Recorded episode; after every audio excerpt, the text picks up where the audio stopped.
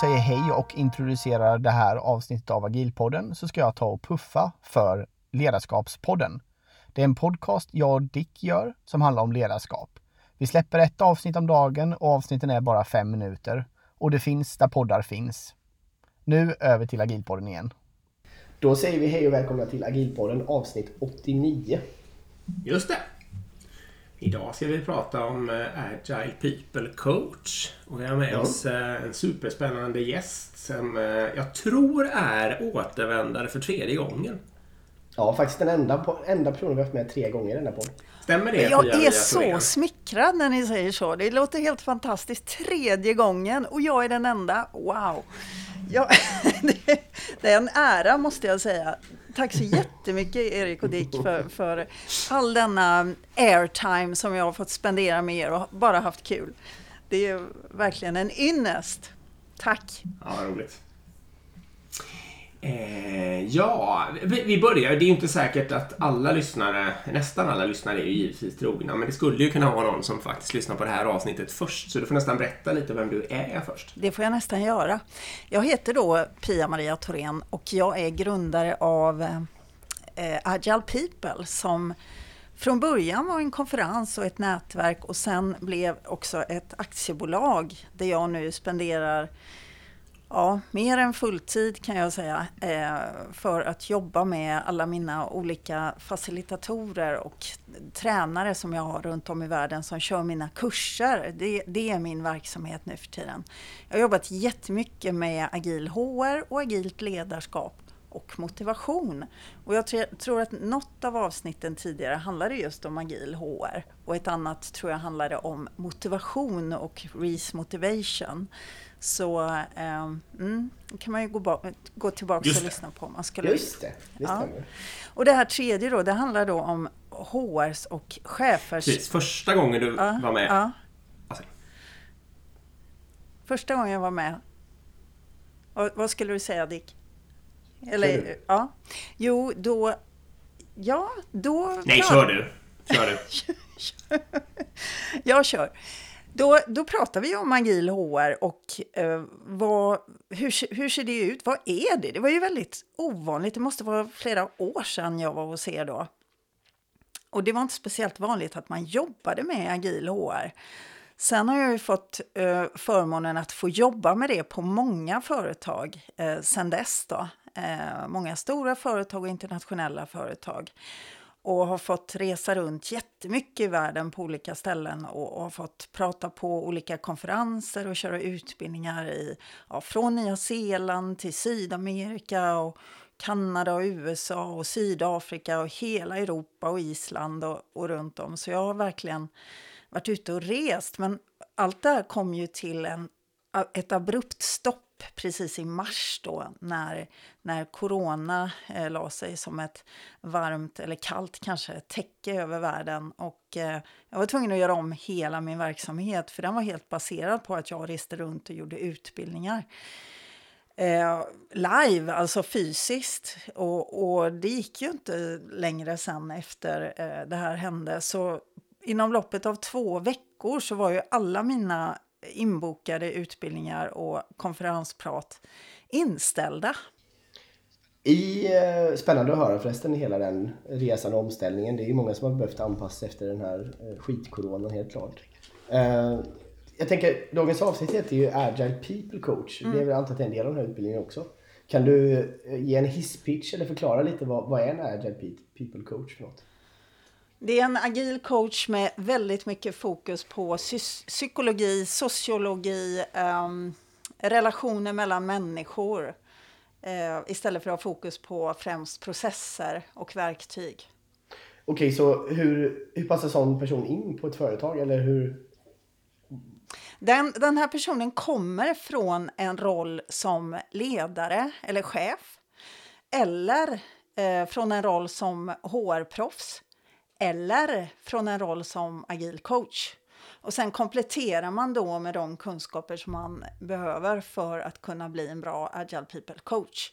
Och här är ju massor av kompetenser som man eh, kan tillskansa sig under väldigt lång tid. Det här är ju ingen junior person, det här är ju en senior erfaren person som har levt livet, som har kanske eh, fått barn och uppfostrat barn, kanske har haft ett eget företag, kanske har misslyckats 13 gånger, kanske har jobbat på ett stort företag och ett medelstort företag inom olika branscher och, och på olika håll och kanter. Så det här är en, en senior person med mycket erfarenhet som kan ta ett antal olika roller i, inom en organisation. Och då har vi utgått ifrån Eh, den agila coachrollen när vi har format den här nya, eh, nya Agile People coachrollen. Och där, som ni vet, då, så, så kan man ju vara trainer eller teacher, mentor, coach och facilitator i den vanliga agila coachrollen. Det är ju Lisa Adkins framework för en agil coach. Men då har vi lagt på några roller till här då. Och det är då att vara en guide, att vara en navigator eller att vara en reflektiv observatör. Och sen kan man då komma antingen från att vara en ledare, ha chefserfarenhet, vara HR-proffs eller komma från att vara riktigt duktig på agile och lean. Nu måste jag bara mm. fråga, var, var det exakt samma roller som man har om man kör en mobbprogrammering renlärigt?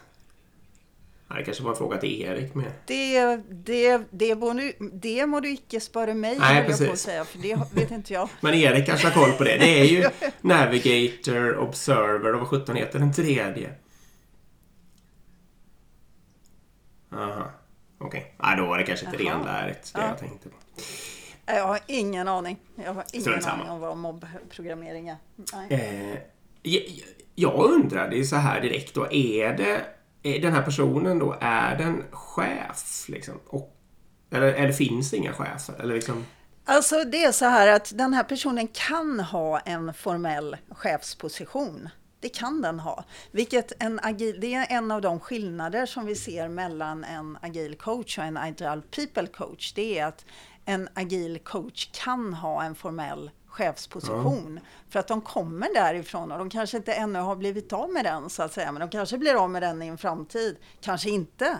Kanske de behåller en formell eh, chefsposition och kan så att säga sätta ner foten och fatta tuffa beslut om det skulle behövas. Så det här är någon sorts eh, hybrid kan man säga då mellan att eh, fullständigt frigöra sig från en traditionell ledarroll mm. och att bli en helt fristående agil coach som inte har någon som helst position eller eh, formell chefsposition. Då. Min andra fråga det så... på det temat var så här, är, den, är den här personen då HR eh, BP liksom, eller är det en HR-person också? Eller kan det finnas en HR-avdelning också så att säga?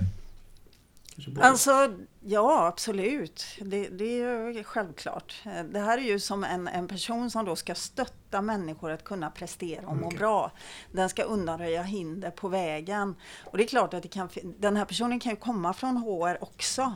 Men det är, det är klart att under en övergångsperiod så har man säkert kvar en, en HR-avdelning mer eller mindre. Det här är ju alltid en gradvis förflyttning. Så vad jag ser det är ju att HR och ledare växer in i den här rollen från de roller som de har. Vad jag har sett är att HR-rollen och chefsrollen går ihop mer och mer och mer och blir nästan som en och samma roll. För att det, de behöver spela ofta rollen som antingen coach eller mentor eller facilitator, kunna stötta människor, kunna stötta människor att växa, att bli mer, att ha ett growth mindset, att utvecklas, undanröja hinder på vägen och göra det möjligt tillhandahålla de verktyg som människor behöver för att kunna prestera bra. Så det är precis det vi behöver för att kunna bli de bästa människor som vi eh, ska kunna bli i vårt liv då. Det är de som stöttar oss och är vår mentor och vår coach. Eh, så det är så vi ser på det. Och, och då, beroende på om du kommer från en agil coachroll så handlar det om att istället för att eh, för att kanske inte, eh, eller för, för, från att, ehm, nu ska vi se, vad ska jag börja med? vi kan börja med att de kanske främst som agila coacher fokuserar på teamcoaching eller koordinering av team då. Så kan man här fokusera både på individuell coaching, team coaching och eller enterprise coaching. Så du kan jobba på alla tre nivåerna. Eh, alltså professional coaching är ju väldigt olika från agile coaching men du kan också eh, lära dig så att säga som agil coach kan du ju lära dig hur du kan vara en professional coach och stötta individer och enskilda personer med eh, coach, coaching sessioner så att säga för att de ska kunna växa och utvecklas mot sina personliga mål. Då. Men Eh, då, då tänker du lite att om det, om det här är en stor organisation då och man agerar på det du kallade Enterprise-nivå då är, blir det liksom lite istället för managementkonsulter då eller vad man ska säga. Alltså då är det någon som lite Jag skulle inte vilja säga att det här är en konsult. Det Nej, här är ju en, en men- anställd men det person. ersätter- Det, det här är ju... Eller det kanske är istället för en Alltså verksamhet. här jobbar du med... Ja, men du jobbar ju med kultur och du jobbar med strukturer och du jobbar med ehm, strategier och du jobbar med eh, emerging strategies i det här fallet då, för det är framväxande strategier vi, vi pratar om i agila fall. Och du jobbar med att få balansen här mellan kultur och struktur istället för att ha den här obalansen som är det vanliga då. Att vi har liksom ett gap mellan den struktur som vi, vi tillhandahåller och den kultur som vi säger att vi vill ha. Eh, ni är med på det Mm, gapet? Att man, ja vi vill ha samarbete och sen så gör man eh, performance eh, eh, och sånt där. De är, ja. Så det, det går ju liksom inte ihop, det går ju stick i stäv då. Eh, Så, så du jobbar med att underlätta för människor att kunna eh, ta sig mot de strategiska målen genom att också förverkliga sig själva och uppfylla sina egna mål. Då. Så det är liksom lite grann eh, nirvana för en agile people coach när man har den här. Och naturligtvis kommer man aldrig dit. Det är ju alltid liksom ett pågående arbete eh, där man får fortsätta att slå ner de här, ni vet på Liseberg kommer det upp en massa såna här gubbar som man ska försöka slå ner hela tiden. Man blir ju aldrig klar. Det kommer alltid upp nya hinder och nya saker som man behöver hantera. Eh, Men, men, eh, men det är ett ständigt pågående arbete och jag tror man, man behöver växa otroligt snabbt. Eh, eh, Och mycket och, och det finns väldigt mycket att, att växa in i, i en sån roll också tror jag. Beroende på vad du redan har då så kompletterar du med de bitar som du inte har. Så beroende på var du kommer ifrån så ser ju resan väldigt olika ut. Jag får sådana här nyfikenhetsfrågor direkt då. Är det, är det troligt att den här personen håller utvecklingssamtal med individerna? Jag skulle vilja säga coachande samtal. Ah, Okej. Och har en coach... Ja, det, Har en coachande samtal även med hela teamet? Det kanske det har den väl om det behövs förstås så att säga. precis. Mm. Vid behov. Om de här teammedlemmarna har one-on-ones med någon, är det, är det, ja, då är det kanske de här coachande samtalen som du pratar om förstås. Ja. Ja, men okej. Det kan det Jag vara. kan se det framför mig på ett ungefär. Men du ser det här som en, eh, eh, som du sa, en, en, i en transformation liksom, som ett, ett väg, en väg framåt för att komma vidare liksom. Att man inför den här typen av roll liksom. Hur tänker du dig i ett, om du tar Volvo till exempel, om, om tio år, som man, om du får drömma fritt liksom. Har man inga chefer och ingen HR och sånt då, utan har man bara sådana här people, agile people coaches? Liksom. Om jag, om jag får drömma fritt, precis. Ingen vill ha en chef, alla vill ha en coach. Tänk på det. Ingen vill egentligen ha en chef som säger till dig vad du ska göra eller inte göra. Alla vill ha en coach som hjälper dig att lyckas. Och det är ju det vi behöver ha i våra organisationer, eller hur? Ja, Transparens, eh, människor som hjälper dig att växa, utvecklas, komma vidare, lyckas med det du gör, trivas Ja. i din roll. Ja. Ja. Ja, men När du säger så, då menar du lite att en chef har någon slags inslag av command and control medan en coach då har ett, en, en mer utpräglad agenda att stödja. Tror jag. Varför jag frågar är lite för att jag Det är ungefär så. Varför jag precis... Eh, eh, det var en chef som slutade i min organisation. Och då frågade jag teamet om det var så att de ville prova att köra chefslöst. Eh, men de tackade faktiskt nej till det. Men det kan ju bero lite då kanske på att de tänker sig att den sortens chefer som vi tillsätter, som vi också tillsatte gemensamt i det här fallet, eh, att den eh, faktiskt är mer av en coach än av en chef. Erik? Lägger till där bara att det kan också vara väldigt skrämmande för folk att bli chefslösa i en organisation där chefer finns. Liksom. Eh, För kulturen Ja, kanske inte finns på plats Absolut. för att få transparens finns för löner och så vidare. och Så vidare. Så det, jag kan verkligen förstå det beslutet. Kanske annat hade varit om de hade börjat på ett nytt företag där de sa att här har vi inga chefer. Då kanske de hade sökt på ett annat sätt. Liksom. Svårt att vara först Det tror ut. jag definitivt. Japp, eh, jag tror precis så. De är inte vana att inte ha en chef och då måste jag ju själv ta ansvar. Det är ju jobbigt. Men eh, om, om man startar ett eget företag och eh, tar, börjar ta det ansvaret, för, för människor är inte vana att ta så mycket ansvar som det kanske innebär att, eh, att vara utan chef. Då, då, det, det är väldigt mycket svårare att jobba i en agil organisation därför att du måste ju eh, vara så mogen så att du fattar att du tar ansvar för din egen prestation, ditt eget lärande, ditt eget engagemang och din egen motivation. Liksom. Och det är väldigt många som lutar sig tillbaka och inte vill göra det på grund av att de aldrig kanske har fått göra det från det att de gick i skolan, hade en, en lärare som sa till dem vad de skulle göra, från föräldrarna som sa till dem vad, vad de skulle göra tills att man börjar jobba och så är det en chef som säger till dig vad du ska göra varje dag. Så det känns ju väldigt otryggt och osäkert. Det var ju samma sak. Vi frågade på, när jag drev företaget Green Bullet om de ville sätta sina egna löner. Nej, absolut inte. Man vill ju kunna skylla på en chef om det blir fel. Liksom. Man vill ju kunna säga, ja men det var inte jag, det är ditt fel. Det var ju du som sa till mig att jag skulle göra det här. Det är klart, det är ju, det är ju den kanske mänskligaste eh, känslan att, att känna att nej, eh, förväntar inte att jag ska steppa upp och ta så här mycket ansvar. Ja precis, jag håller helt med om det.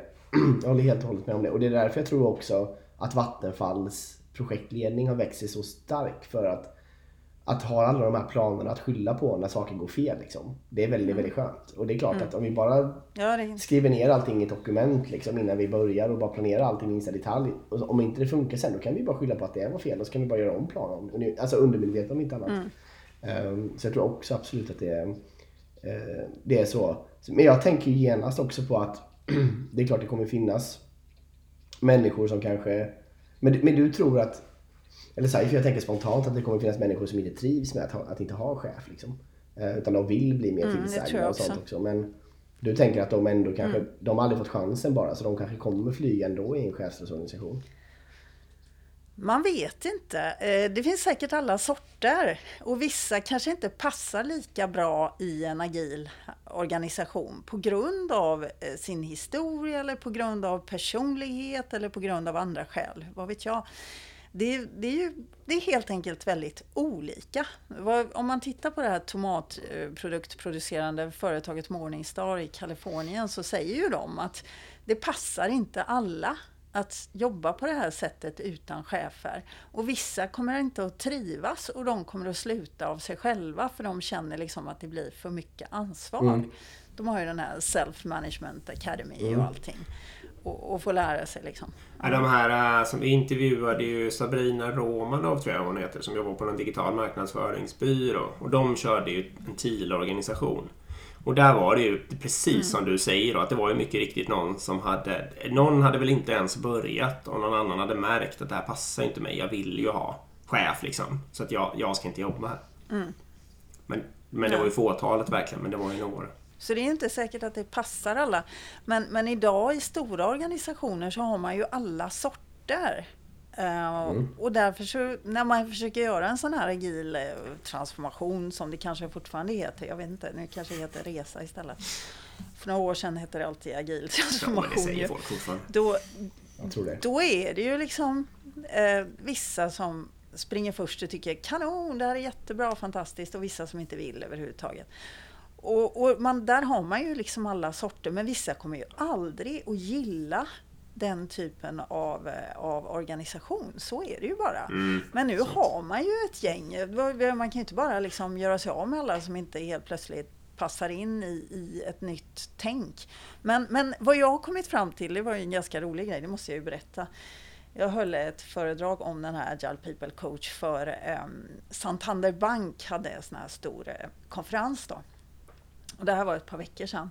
Och då när jag satt där och pratade om det här så kom jag faktiskt på varför det är så svårt för middle management eh, som ju har, de har ju kommit dit de är på grund av att de kanske är, har hög, hög drivkraft på makt och status och kanske andra grejer då. Mm.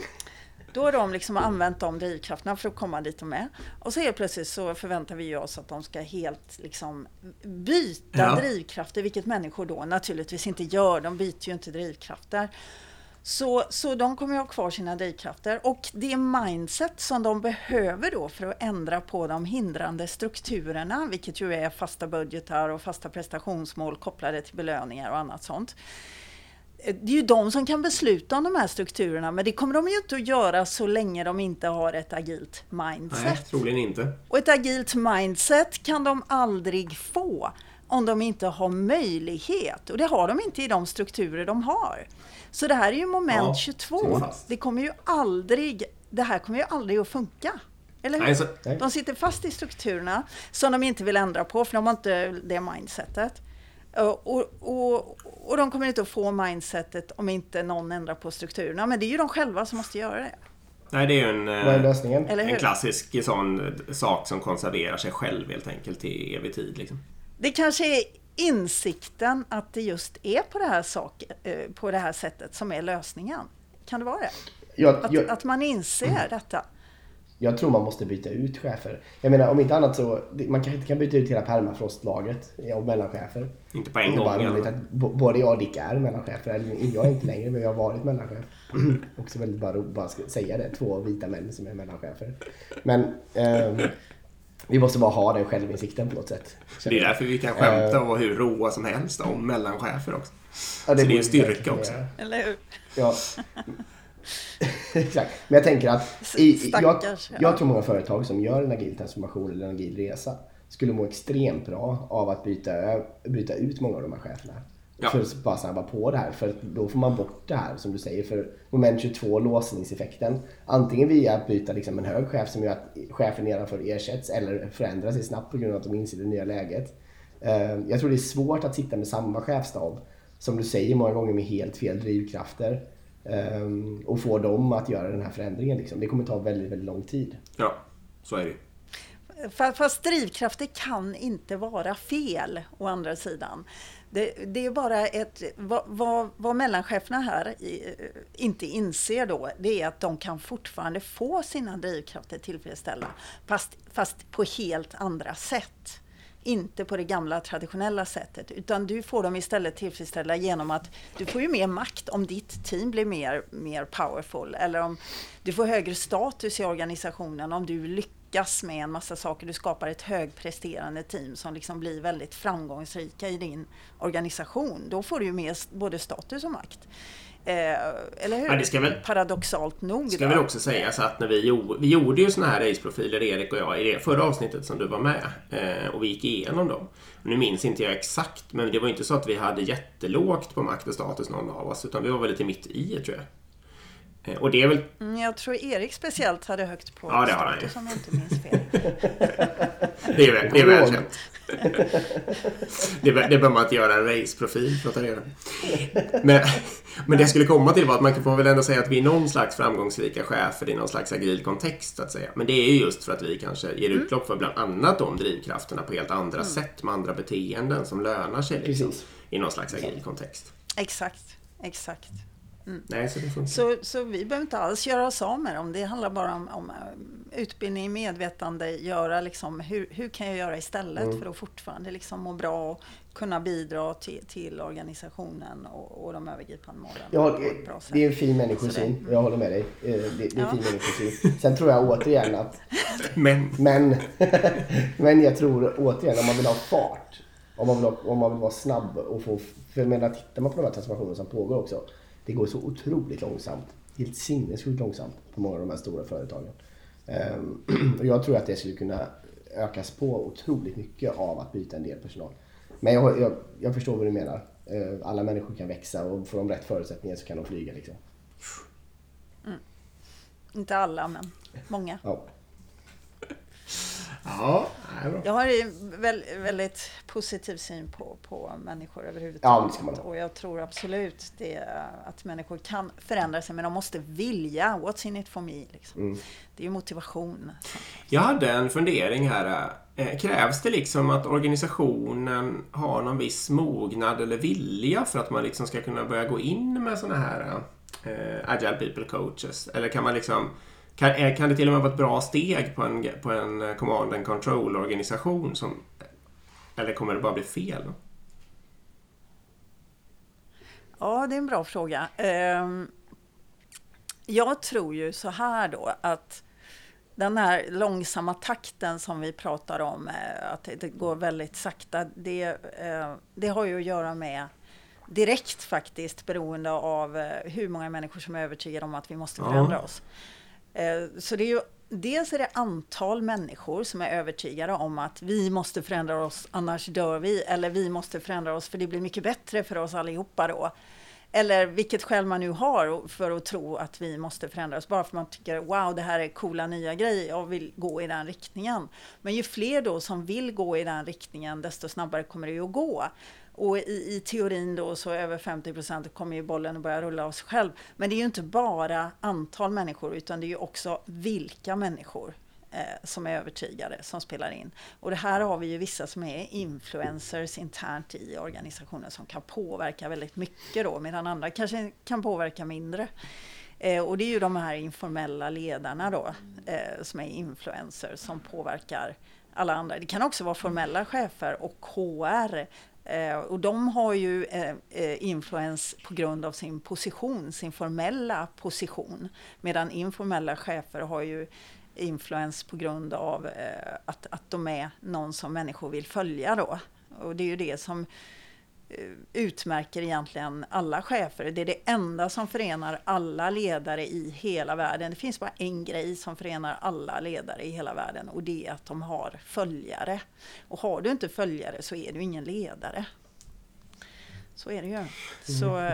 Men så det, det, du säger det? Då har man en... Ja, det kanske måste finnas någon form av mm. mognad, åtminstone i form av att det finns några sådana här early adopter-människor som har poppat då på något sätt. Mm. Och sen kan man ja, föra in de här coacherna för att komma vidare ja. kanske. Och sen, du måste ju över den här the chasm som de säger i the tipping point då. Eh, det är en bok som heter The Tipping Point. Eh, och eh, där börjar du då med dina innovators. Du knyter dem väldigt tight runt omkring det. Och det bästa är om de egentligen jobbar ute i olika delar i hela organisationen. Och sen så börjar de i sin tur då påverka alla early adopters. Eh, och sen går det över då till early majority. Och mellan early adopters och early majority så har vi den här tipping point. Det är ju den som är så svår att komma över så att säga för att det ska börja rulla av sig själv. Men om man väl kommer över den här klyftan då eh, och får med sig early majority, då får man också med sig late majority så småningom och late adopters. Laggards får du ju aldrig med dig, de kan du bara glömma bort.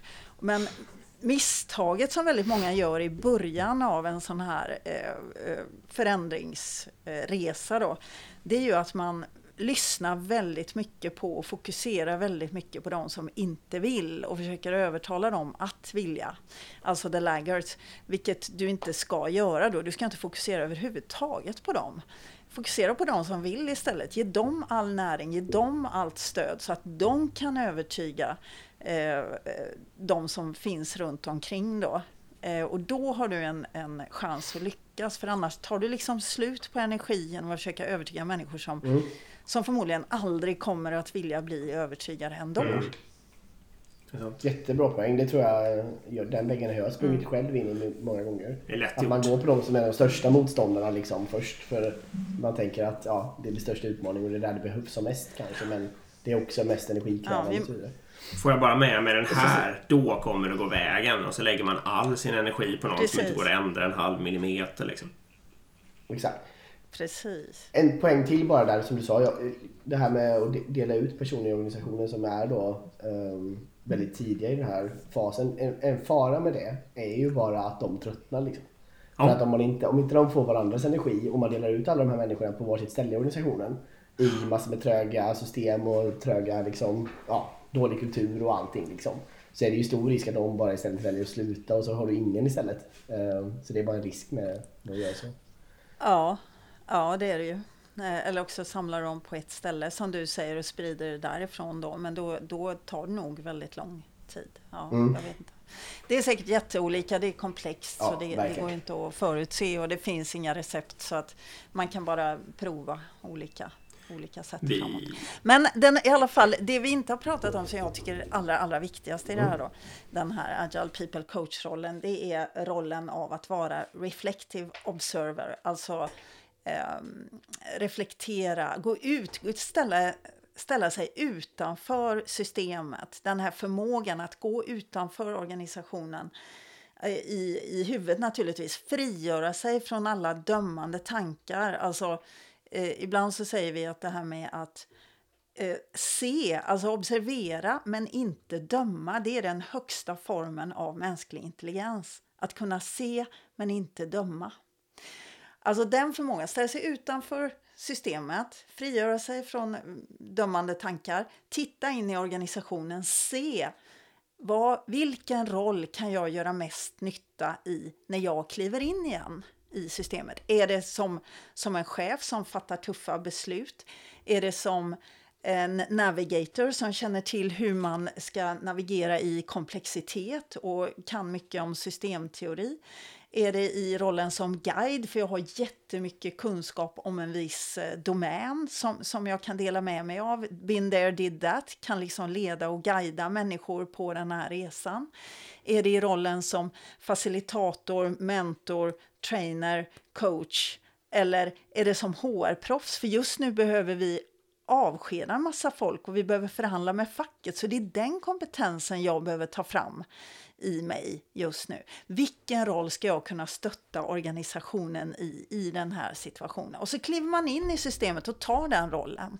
Så just den där förmågan att stå utanför systemet och se eh, och avgöra då när jag kliver in, vilken roll tar jag? Eh, och vilken kompetens är det jag använder mig av? Eller om jag inte har den kompetensen så kanske jag får hj- hjälp av någon annan som har den. Kanske går till HR och, och säger du, vi behöver göra det här.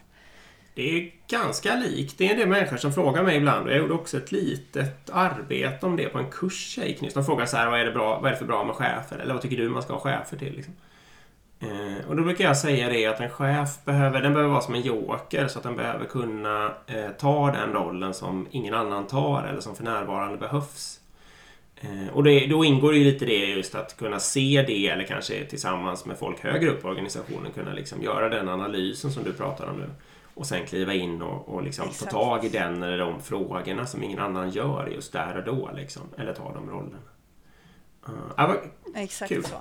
kul. Och det kräver ju mycket erfarenhet. Det kräver ju, kräver ju otrolig senioritet att kunna göra. Det kräver att du kanske förstår hur organisationen som helhet fungerar. Och hur man då kan, som en ödmjuk tjänare eller ödmjuk coach, gå in och stötta på det sätt som organisationen just nu behöver som bäst. Det är riktigt ledarskap skulle jag vilja säga och det är det man utövar då som en agile people coach. Mm. För problemet är ju lite att många, inte, det kanske börjar ta slut nu, men alltså, länge har det varit så att chefer har den här, eh, det som, det som hon eh, som pratar på Agila Sverige någon gång kallade att leka chef. Liksom, att det finns en gammal föreställning om att det som behövdes för 30 år sedan i form av att godkänna tidkort och sånt där. Liksom, att det är det som är att vara chef. Och så trots att alla i min organisation skulle kunna godkänna tidkort liksom, och är fullständigt kompetenta och har integritet att göra det. Så är det fortfarande några chefer som ska sitta och göra det istället för att man liksom Nu är det ju inte så kanske längre, men ja, officiellt är det väl så. Eh, att det, liksom, det är så himla lätt att det fastnar i en föreställning om vad rollen ska innehålla istället för att det blir den friheten som du pratar om, att man ska ta tag i det som på riktigt behövs för den mognaden och det läget som just den organisationen eller teamet är i. Liksom. Exakt, så det, det där är... um, det är ju bara en roll då, men det kanske är den viktigaste rollen. För, för den är ju där man liksom får möjligheten att, att verkligen se och öva på vad, vad är det som behövs och hur kan jag göra bäst nytta av mig själv. För jag är en, en, en ödmjuk tjänare för min organisation och för eh, kanske även ett, ett större mål. Liksom. Att man går till och med utanför sin egen organisation kanske och ser vad är det för bidrag vi, vi ger till världen. Eh, så, så då har man ett ännu större perspektiv och då, då är man otroligt... Eh, jag vet jag vet inte om ni har, har läst Bill Joyners eh, Leadership Agility. Nej. Har ni läst den? Nej.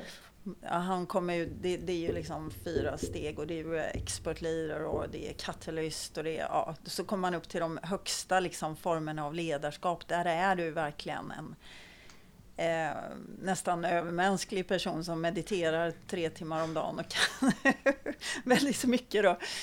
Men, och, och där är ju väldigt få då. Det är ju bara några procent kanske som har nått så högt. Men det är lite så långt mot nirvana man kan komma då. Men det är något att sträva mot. Det är inte så många som kanske är där eller uh, ja. Men, uh, men man förstår liksom, okej, okay, när han beskriver det här då, hur, hur de här människorna fungerar och att det liksom går utöver dem själva. Det, det är större än dem själva. Mm. Det är, de, de ger ett bidrag till världen. Men finns det någon eh, liksom, karriärväg som Agile People Coach? Eh, jag, jag vet inte om man ska prata om karriärvägar i det här sammanhanget. Det är ju egentligen någonting som vi vill avskaffa lite grann då, det här med karriärvägar. Utan det handlar ju mer om att ha ett growth mindset och växa, ständigt växa som människa och bli mer och bli bättre. Eh, sätta sig i situationer som man kanske aldrig har varit i. Söka eh, Eh, aktivt olika typer av utmaningar genom att utveckla sig på längden och bredden och tvären. Hoppa över till en annan avdelning och ta ett helt annat jobb. Om du är chef, kanske ta en HR-roll i ett år. Eller om du är HR, ta, ta en IT-roll i ett år eller en finansroll eller något annat. Att ständigt vara på den här utvecklingsresan, det är ju det det handlar om. Så jag vill inte gärna prata om karriärvägar och att klättra i, i, på någon typ av steg i olika positioner, för det är någonting som vi, som vi liksom inte har i, i en framtid, tror jag. Eh, jag tror det kommer att försvinna och ersättas just med människor som vill något och som, eh, som vill komma vidare på olika sätt och vis. Och som vill åstadkomma förändring och, och en bättre värld. Liksom. Mm. Det är mitt idealistiska jag som pratar nu. Ja, men jag håller med. Jag tycker också att är, är, är, det är teoretiskt smart men i praktiken blir det alltid dumt. För det blir ju det blir liksom inflationer i det där så någon avdelning bedömer det helt annorlunda. Och så får de mycket högre lön för de mm. promotar mycket mer och då går alla dit och ja, ni vet. Eh, men ja, oberoende av det. Jag tänkte på när du pratade om det här att gå utanför systemet och observera och sen gå in igen. Då tänker jag också direkt på, eh, det är väldigt smart att göra som chef också. Eh, och jag tror att många glömmer det. Man fastnar lätt i det här du vet jag ser det dagligen och väldigt ofta att alla kommer med sina mallar att så här har vi utvecklingssamtal, så här har vi prestations, du vet, lönesamtal och det är samma mall för varje person och det är så här, man kan tävla på chefsnivå om vem som har mest avancerade mallar och hur snygga de är och allting liksom. Och det är ju verkligen inte att gå utanför systemet och observera för det, alla personer trivs ju inte i det där och vill inte ha det där liksom utan det är ju helt, helt olika. Um, en del människor som, som um, som jag har jobbat med vill, absolut, vill inte några, under några som helst omständigheter ha en utvecklingsplan. Um, utan de, de tycker att det är jättedumt liksom, och larvigt och vill inte sitta med de där mallarna och sånt. Um, så jag tänker även som chef så måste det vara en väldigt bra metod att kliva utanför det där systemet och fundera lite på vad skapar jag mest nytta liksom. Mm. Uh, för det blir ju också att en chef ofta lägger 80% av sin tid på uh, springa på olika möten, skapa olika mallar och bara sitter kvar fast i den här strukturen egentligen och inte gör det som behövs. Liksom. Ja, istället för att plocka bort strukturer så upprätthåller man ju strukturerna genom att spela spelet eller göra enligt processen eller följa eh, HRs och andra chefers direktiv eller och då, då, och så, då är frågan, måste man vara lite rebell liksom för att och vad händer då?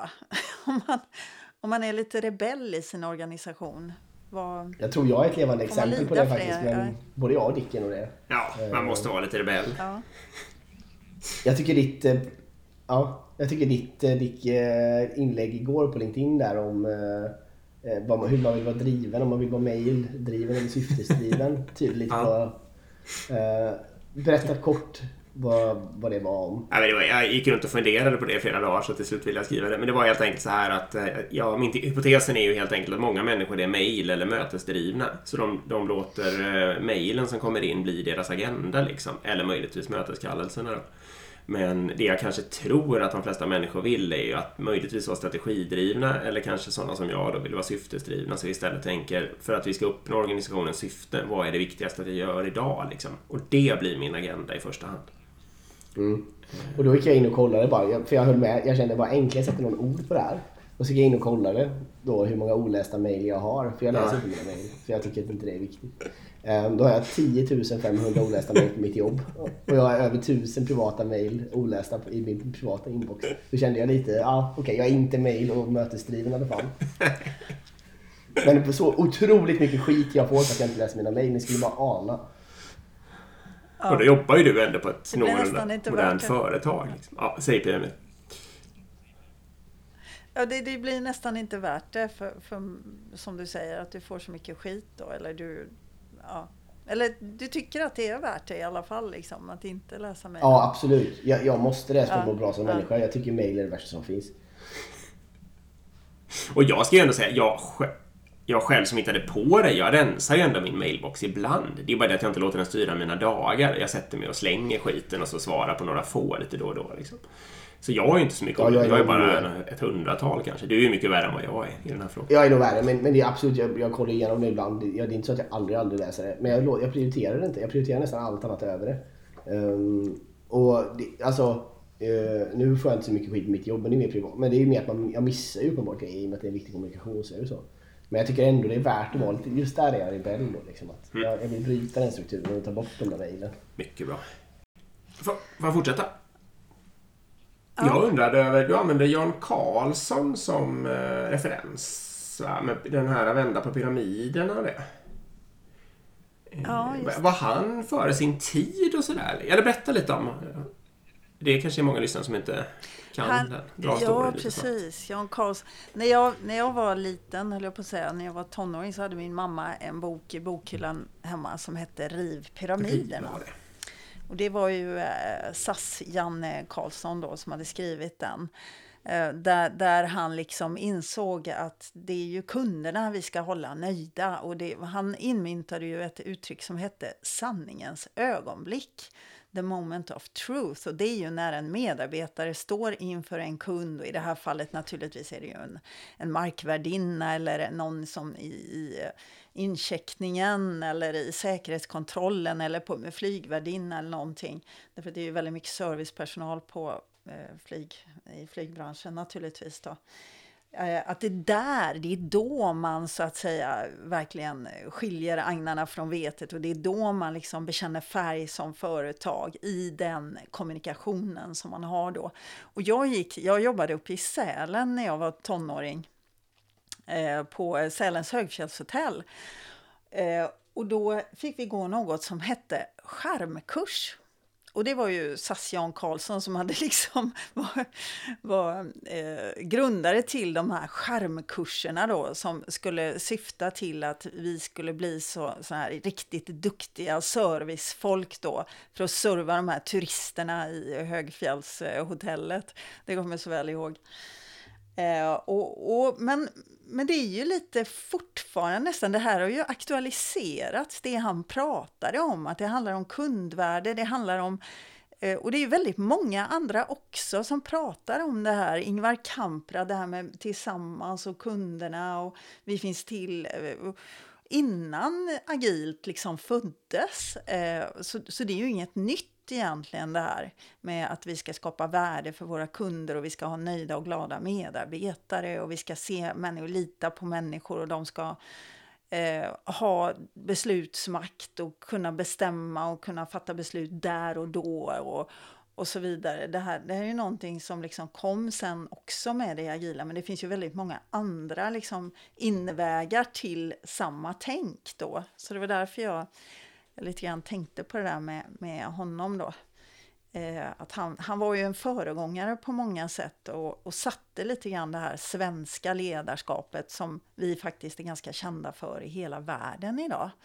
Eh, att, att det är mycket medarbetarskap och vi har mycket att säga till om som medarbetare. Vi tar väldigt mycket ansvar på jobbet generellt sett i Sverige och det skiljer oss från väldigt många andra länder i världen. Det ser man ju när man är ute och reser och pratar och sådär mycket. Eh, väldigt väl då hur mycket vi skiljer oss. Eh, och det är ju någonting som vi ska vara stolta över, tänker jag. Eh, och, ja. Verkligen, min kompis eh, eh, han åkte till Tyskland och tog ett jobb efter han var färdig på universitetet. Och där fick inte han tilltala sin chef utan chefen tilltalade honom. Mm. Det är den kulturen de lever med. Liksom. Nej, nej, men, men, jo, men det här har jag faktiskt varit med om här, här i Göteborg okay. på ett stort biltillverkningsföretag. Det kan jag dra den storyn. Mm. Eh, vi började jobba, det här är ju 2012 tror jag det är, någonstans. Eh, jag körde ett lite, jag var ansvarig för performance management. Jag var konsult där då.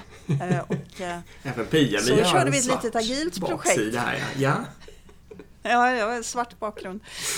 Och då, då körde vi ett litet agilt projekt. Jag hade en praktikant och så var det någon någon konsult till som, som jobbade med mig med performance management för hela Volvo Cars då.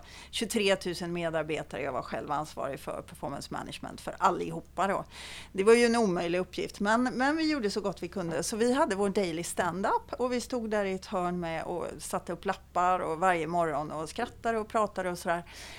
Och sen helt plötsligt då så får jag ett mail i min inbox en dag eh, som är då från, alltså det är min min chef då som har satt mig på kopia på ett mejl som är från en av eh, hennes kollegor som var på samma nivå som min chef då. Som har skickat det till deras gemensamma chef. Där det står eh, Ja, jag vet inte det här med att de står med, med post-it-lappar och står och pratar varje dag och sätter upp och skriver. Det där är inte seriöst och jag tycker vi ska göra något åt det här hade hon skrivit då till deras gemensamma chef. Och då hade min chef tänkt att det kan ju Pia-Mia få veta då. Och hon satt bara, det var ju ett öppet kontorslandskap, så hon satt ju bara några meter från mig i samma landskap. Så jag gick fram till henne och så, och så sa jag, du, eh, jo jag kan visa dig lite grann, det, det heter agilt arbetssätt. Och det här är en kanban som vi jobbar med och vi har en daily standup varje morgon. Om du följer med så ska jag visa dig lite hur det funkar, mm. sa jag. Och hon bara satt och illstirrade in i datorn. Hon tittade inte på mig överhuvudtaget. Och så sa hon, jag pratar inte med dig, sa hon. Jag pratar med din chef. Och jag stod ju där en meter från henne liksom. Eh, va? Och jag blev så förvånad så jag bara vände mig om och gick tillbaka till min plats. Men det, det här händer i Sverige. Vilket år var det här? Vet du, det, det, vet du vad lösningen hade varit? 2012. 2012. Vad sa du? Vet du vad lösningen hade 2012. varit? Nej. Att inte läsa dina mejl. Ja, just det. Bra förslag. Jag skulle ha börjat Och sen tapetsera hennes bil med post-it-lappar eller något sånt där. Det hade varit min rebelliska lösning på det. Ja, exakt. Precis. Ja. Nej, men det var lite roligt. Eh, ja, helt sinnessjukt. Det var ju misstänkt. Alltså, det, kan man ju, det var misstänkt att hålla på med sådana saker på den tiden. Speciellt på den typen av företag. De hade inte så bra kultur.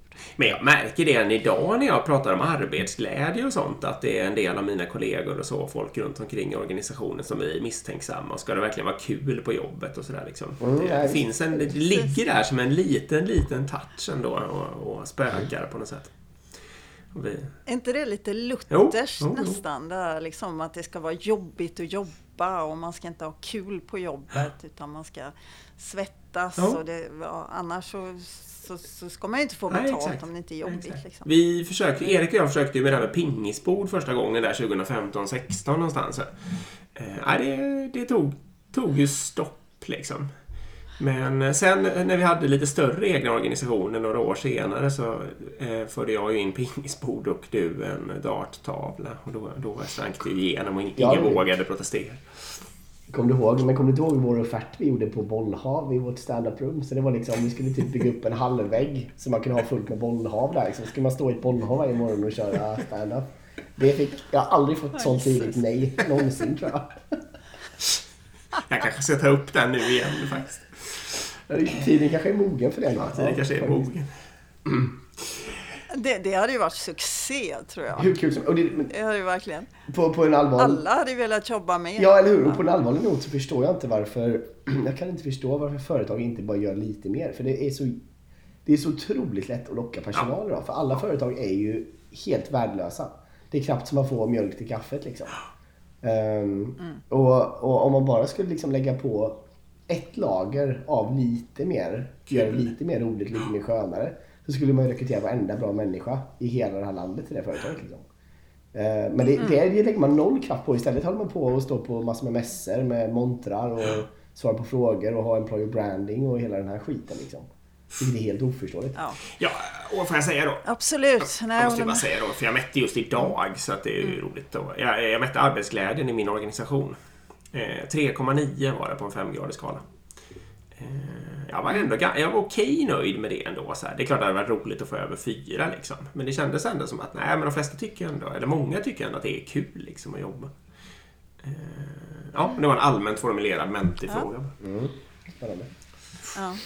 Nej men det här med, det, det vet jag, kommer jag ihåg när, när jag var anställd för länge sedan. Det första de drog in på det var ju fruktkorgarna. Eh, när det, Det var har vi också varit med om. Liksom. det, det är helt galet egentligen när man tänker efter. Det är ju precis då man ska börja eh, vara lite mer liksom, omtänksam om, om sina medarbetare. När det, när det blir lite tuffare tider. Förlåt, jag måste bara borra en sekund till i det här med olika kulturer. Jag vet inte om jag kommer halka ut på hal is här. Men vad är det som gör just Sverige och liksom... Det är våran, ja, det är våran nationskultur på något vis då som odlar fram den här sortens beteenden som är lämpliga liksom. Men vad är det? Vad är, Det är väl, det är väl samma, samma sak som ligger till grund för, för vår coronastrategi Mm. egentligen. Eh, eller hur? Det, det är ju det här att vi, vi litar på våra ledare. Vi Mm. litar på våra myndigheter och regering.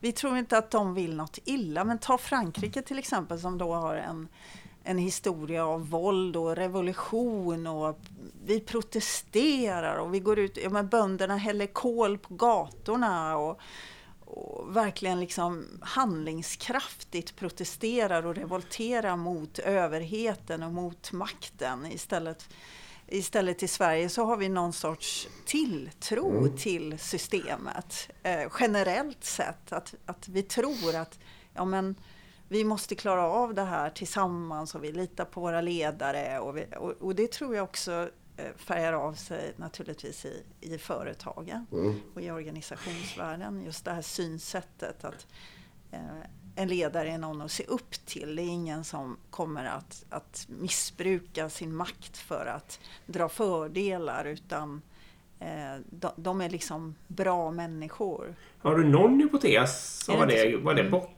i? Alltså hur kunde det bli? Varför att om man tar Sverige och Norge eller något sånt där liksom, som ändå har ganska likartade förutsättningar så finns det ändå en ganska stor skillnad där uppfattar jag.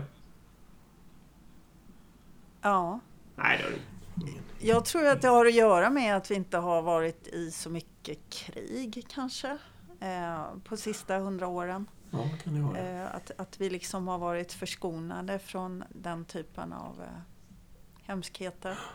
Eh, det, det, en, en grej som faktiskt, jo men jag vet varför egentligen, för att på, i slutet av 1800-talet eh, Thomas Björkman heter han väl, som har grundat eh, stiftelsen Ekskäret. Känner ni till den? Ja, Ekskäret. Stiftelsen Ja, Ekskäret. det. Ja. Ja. Precis, To- Thomas Björ- Björkman. Kolla på det TEDx-talket, han är helt grym. Han har skrivit en bok om det här. Det skandinaviska undret eller någonting heter det. Det här bottnar ju i att vi inte fick krig. Det var för att i slutet på 1800-talet så började man då utbilda unga människor i stor skala. Och det här var då sponsrat av staten i Sverige främst, men även i Danmark och i Norge då att tänka självständigt och att inte dras med av radikala strömningar. Eh, Så, så man skickade helt enkelt iväg unga människor på retreats i stora eh, mängder så att de fick lära sig att, att förstå sitt inre och sitt inre liv och alla såna här grejer.